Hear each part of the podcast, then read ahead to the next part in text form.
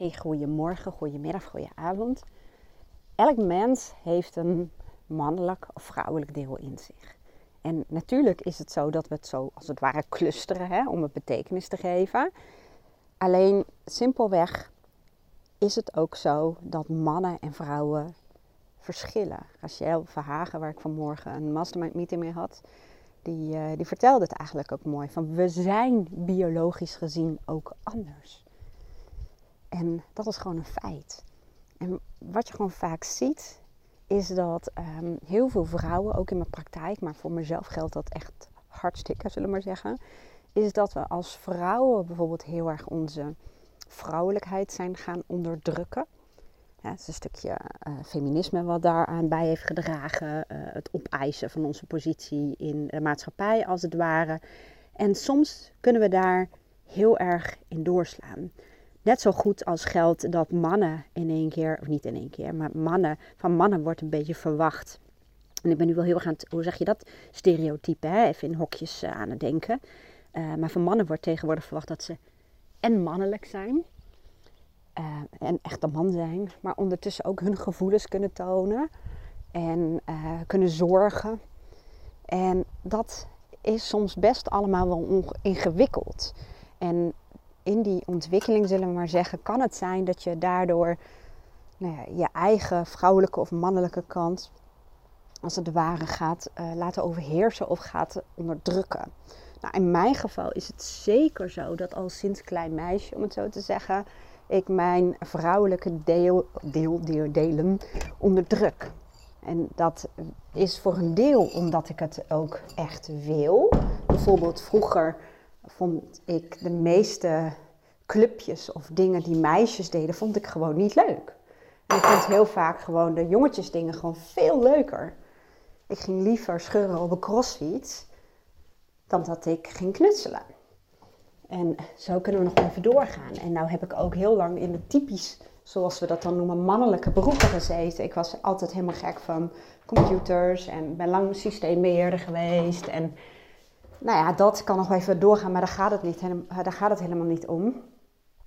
Maar het kan zijn dat je gewoon de typisch, wat wij typisch mannelijk en vrouwelijk noemen, net als roze en blauw, dat je dat ook gewoon simpelweg leuker vindt en dat dat bij je past. En dan is er in mijn ogen ook geen probleem. Maar ik denk dat er wel een probleem is, en dan kijk ik gewoon heel even naar mezelf. Als je um, nou ja, uh, dingen niet kunt toestaan. Zoals ik kan gewoon nog steeds moeilijk ontvangen en voor me laten zorgen. En dat merk ik vooral in onze relatie, mijn relatie met Aaron bedoel ik daarmee. Dat in het begin van onze relatie ja, was het altijd een soort van strijd. Toen we nog niet samen woonden, wie betaalde. En Aaron werd er af en toe ook niet goed van. Hij zegt, het is gewoon een wedstrijdje wie het eerst de pinpas door die gleuf heen trekt, zullen we maar zeggen. Dus dat was toen heel erg overdreven nou, daar heb ik al wel mijn lessen in geleerd. Maar het is nog steeds heel erg in mij aanwezig dat ik mijn eigen boontjes wil doppen en alles zelf wil doen. En nou, niet alles, hè, want dat is nog wel heel erg absoluut. En ik zei ik heb daar behoorlijke ontwikkeling in doorgemaakt. Maar um, wel heel erg actiegericht en doen, doen, doen, doen. Denken, denken, denken. Um, ja, heel erg veel bezig willen zijn. Ik wil bijna zeggen altijd maar nuttig willen zijn, altijd maar bezig willen zijn. Maar nogmaals, het zijn hele absolute termen. Um, maar ja, ook het gevoel hebben soms, dat is, dat, ik vind het eigenlijk te bizar om toe te geven, maar zo werkt dat nou eenmaal in mijn hoofd. En ik kan er rationeel naar kijken. Maar dat is ook dat ik eigenlijk het liefst net zoveel uh, zou willen uh, verdienen. En verdienen is wat anders, hè, want ik heb natuurlijk te maken met omzet en Aaron met uh, salaris en dat soort dingen. Maar uh, als Aaron. En dat kan fijn zijn, zeg maar. Maar laat ik het zo zeggen, maar dat was eerder omdat ik dan dacht, dan zijn we gelijk. En dat soort gedachten, en ik ben daar godzijdank mee bezig gegaan. Want je kunt je voorstellen, als die gedachte voor jou de waarheid is. Ehm, nou ja, dat uh, de ambitie behoorlijk kan doorslaan, maar eigenlijk ook gedreven is vanuit een heel verkeerde intentie. En ik vond het wij denken heel moeilijk. En in een mastermind met Rachel zag ik, we deelden uh, uh, onze dromen met elkaar, dus daar ga ik natuurlijk niet op in. Maar wat ik wel kon zien is dat zij veel meer in de wij-modus zat, ook als het bijvoorbeeld om geld gaat. En bij mij was het ik, ik moet dat verdienen. Ik moet dat uh, hebben, of hebben, dat klinkt ook weer zo, maar in elk geval moet ik het realiseren. En dat is best wel strijden. En voor Aaron die zegt ook dat het soms lastig. Omdat hij mij uh, dingen wil geven of ook voor mij wil zorgen. En dat het behoorlijk irritant kan zijn als ik dat dan niet kan ontvangen. Nou, nou, nou is hij uh, gelukkig wel iemand die gewoon door uh, gaat en, ja, moet ik het zeggen, zich niet laat tegenhouden daardoor. En hoe kom ik hier nou op? Nou, vanmorgen zei ik, dit is echt wel een thema. En daar ben ik al heel erg mee bezig geweest. Vooral met voice dialogue, de methode die, die, ik heel veel gebruik in mijn praktijk. Oh, dan gaat het ook nog een alarm af. Maar volgens mij kun je me nog goed horen. Maar dat gaat er heel erg over dat je als het ware kijkt wat je innerlijke delen zijn die onderdeel uitmaken van je persoonlijkheid. En dat bijvoorbeeld een pusher altijd maar door wil en gericht is op actie, actie, actie, actie, actie. En een denker en noem het allemaal maar op. En dat sommige van die delen zou je ook als typisch mannelijk en vrouwelijk kunnen typeren. En waarom kan dat helpen om het als zodanig te typeren? labeltjes, ik ben daar over het algemeen niet zo fan van, maar het kan soms wel heel functioneel zijn. Als mensen bij zichzelf herkennen dat ze bijvoorbeeld een hoogsensitief brein hebben of hoogbegaafdheid, kan het enorm helpen als het gelabeld is, omdat je op die manier ook veel meer uh, informatie op kunt zoeken en noem het allemaal maar op. En innerlijk geldt dat ook, dat je bij wijze van spreken typisch mannelijke delen hebt en typisch vrouwelijke delen. Nou, door dat te onderzoeken, hè, wat is nou het beschermingsmechanisme daaronder? En waar is het bang voor? Bij mij is dat heel erg in de essentie om verlaten te worden.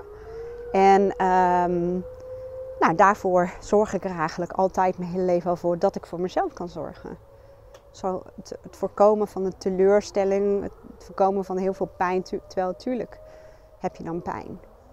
Maar meer van, als ik het in mijn eentje red, dan heb ik niemand nodig. Dat idee zit daaronder. En een aantal delen in je persoonlijkheid, die willen je je tegen beschermen. Maar het gaat om meer. Het gaat ook om wat er bij mij uitkwam. Dat als ik niks deed, dan was ik nutteloos. Dus eigenlijk waardeloos als mens.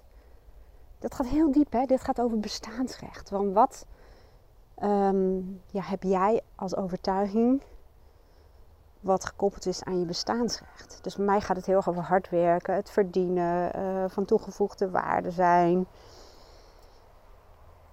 En als dat echt gekoppeld is aan je bestaansrecht, dan ga je ook merken dat het tegen je gaat werken. Dan sla je vaak door en dan kun je soms niet meer de delen in jezelf uh, inzetten die je ook nodig hebt. Net als heel veel werken of presteren, om het zo te zeggen, um, dat, dat moet in evenwicht zijn met rust en herstel.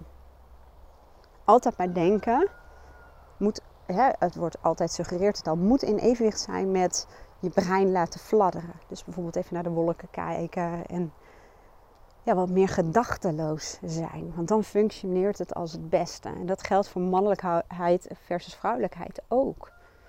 want als je altijd maar heel hard werkt en van alles aan het doen bent, dan wil je ook momenten waarop je de vruchten kunt plukken. Kunt oogsten wat je hebt gezaaid. Alleen maar zaaien, dat is niet in evenwicht. Zo werkt dat gewoon niet.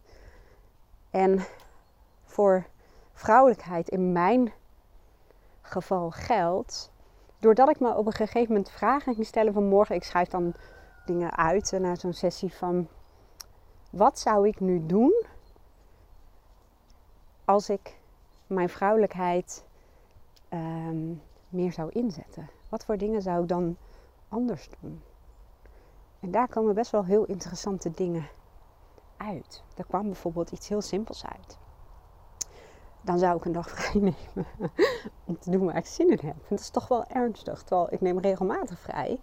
Maar wat vaak mijn drang is, en ik zeg drang, dan heb je het vaak te maken met de primaire kant, is om dan bijvoorbeeld de ramen te wassen of de tuin te doen. Of in elk geval een paar productieve, nuttige dingen te doen.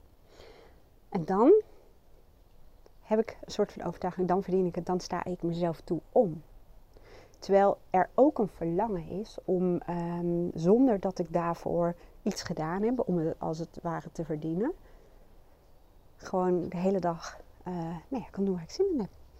En gisteren merkte ik dat ik weer op het punt ben. En weer op het punt, het klinkt alsof je terug wilt, maar dat is niet zo. We zeggen ook, elk level heeft een nieuw devil.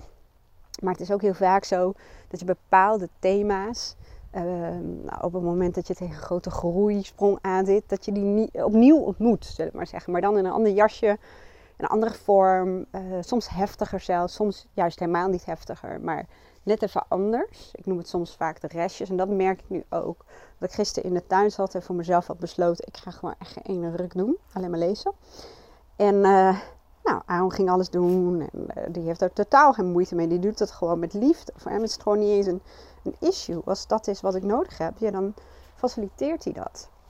Maar ik merkte dat ik eigenlijk de hele dag een soort innerlijk strijdje in mezelf had. Van een deel in mij die daar wat van vond. En dat heeft ook te maken, en dan sluit ik af, want ik ga deze week nog wel meer over delen. Ehm, ik heb namelijk ook zometeen een sessie, die wil ik even rustig voorbereiden. Maar het gaat er ook om, en dat is misschien wel iets waar jij wellicht mee, wat mee kan. Wat je associaties zijn bij bepaalde delen in jou. En dan gaat het niet alleen maar over het mannelijke en het vrouwelijke. Maar dat kan ook gaan over een deel van jou wat staat voor kwetsbaarheid. Of een deel van jou dat staat voor genieten van het leven. Het kan zijn dat jij aan levensgenieter vliegfluit of luilak hebt gekoppeld. Hè? Of dat je bepaalde associaties hebt. En net als ik ehm, ten aanzien van vrouwelijkheid heb ik ook nog negatieve associaties. Nog veel minder dan dat het ooit was. Maar ehm, ja, zachtheid, vrouwelijkheid, vrouwelijkheid minder, maar zachtheid bijvoorbeeld. Of kwetsbaarheid, uh, zorgzaam. Zorgzaam zit bij mij echt ja, mega uh, weerstand op. En dat, dat, daar zit weerstand op. Dus het is voor jezelf ook interessant om te onderzoeken wat je associaties zijn. En die zorgzaamheid, en ik probeer het heel even voor nu even te kijken wat daar dan bij opkomt. Zorgzaam komt bij mij echt iets rebels op. Van ik ga dus echt niet de hele tijd voor anderen zorgen. Zo, ja. En terwijl ik ook echt wel een heel zorgzaam deel heb. Als ik kijk naar hoe ik het moederschap verveel en het stiefmoederschap en voor Aaron. Maar er zit iets. Er zit iets op. Ik weet nog wel dat we een keertje met familie in Oostenrijk waren voor een skivakantie. En um, er was een soort van taakverdeling van de vrouwen gingen boodschappen doen en koken. En de mannen gingen, weet ik veel, iets anders doen. En toen kwam ik zo ontiegelijk veel in opstand. En ik deed het ook gewoon niet. En dat stukje van dat typisch vrouwelijke taken en mannelijke taken, daar zit gewoon heel veel verzet en heel veel uh, weerstand. En dat is interessant. Dat is ook iets om mee te werken. Van wat zijn je associaties en zijn die associaties nog wel dienend voor jou? Ja, dat zei Rachel ook tegen me. En op een gegeven moment mag je een stukje gaan helen. Dat klinkt voor heel veel mensen een beetje zweverig, maar dat is het absoluut niet. Helen bedoelen we ook mee deze gedachten of deze manier van denken en handelen heeft mij vroeger gediend. Het heeft ergens voor gezorgd. Het heeft me ergens tegen beschermd. elk gedrag heeft een functie. En dat was toen en nu is nu. En als je nu merkt dat je jezelf als het ware saboteert of tegenhoudt uh, of niet volledig jezelf kan zijn, is dat vaak omdat dat beschermingsmechanisme als het ware in je huidige leven, met je huidige wensen, in je huidige fase, dysfunctioneel is geworden. Dus niet alleen maar niet meer dient, maar zelfs dysfunctioneel is geworden. Net als even, dan sluit ik echt af. Net als dat je met een team, stel je gaat met een team, uh, een team van mensen die met uh, websites en zo bezig zijn, ga je uh, een team formeren en ga je een website bouwen. Heb je ontwikkelaars en marktonderzoekers en noem het allemaal maar op, maar allemaal gericht op het doel om die website op te tuigen als die website staat, hij is klaar, dan komt er een andere fase. En dat is ehm, nou ja, bijvoorbeeld het beheer en het zorgen dat de content en bla bla bla komt. En dan zie je dat het team wat destijds betrokken was bij de ontwikkeling ervan, ja, dat is niet meer nodig in die hoedanigheid, om het zo te zeggen. En dan is het project ten einde en dan wordt misschien een vast team opgetuigd om de boel te laten draaien. Snap wat ik bedoel? En dat is innerlijk eigenlijk ook zo. Het heeft je toen gediend in een bepaalde fase, misschien wel jarenlang, misschien wel je hele jeugd. Maar nu ben je volwassen en nu merk je vaak dat er delen in jou eigenlijk als het ware een beetje werkloos eigenlijk zijn, maar nog steeds van alles en nog wat in je aan het doen zijn. En dat andere delen die ja, veel beter zouden passen nu, ja, die, die zitten een beetje achter in je bus. Als je de metafoor van de bus een keertje hebt meegekregen. En dat is met dit eigenlijk ook zo. Maar het heeft dus in mijn geval, en ik ga daar deze week mee aan de slag en ik zal wel wat vaker wat delen. Ten eerste weer te maken met dat je gaat onderzoeken. Wat zijn de beschermingsmechanismen? Wat is de functie van die delen in, die er nu nog in mij zijn?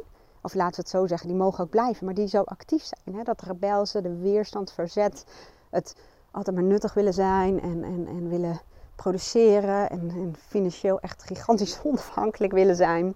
Dus luister naar wat is nou ook bijvoorbeeld de onderliggende behoefte. Waar zorgt het voor? En door daar oprecht naar te luisteren, het niet weg te duwen, kom je tot heel veel informatie waar je ook echt wat mee kan. En vervolgens ga je als het ware je verstoten delen. Wat soms voelt als je schaduwkanten, die er niet mogen zijn, of heel vaak trouwens. Die ga je uitnodigen om hun licht op de zaak te werpen. En te kijken wat zij ook kunnen brengen in je leven.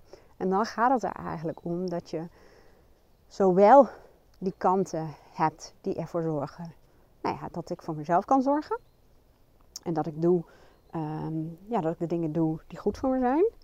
En zowel ook uh, kan ontvangen. En mezelf kan toestaan om te ontvangen. En dan, wou ik zeggen, sluit ik af met een mega groot cliché. Dan heb je goud aan handen. Nou, ik hoop dat je wat aan had.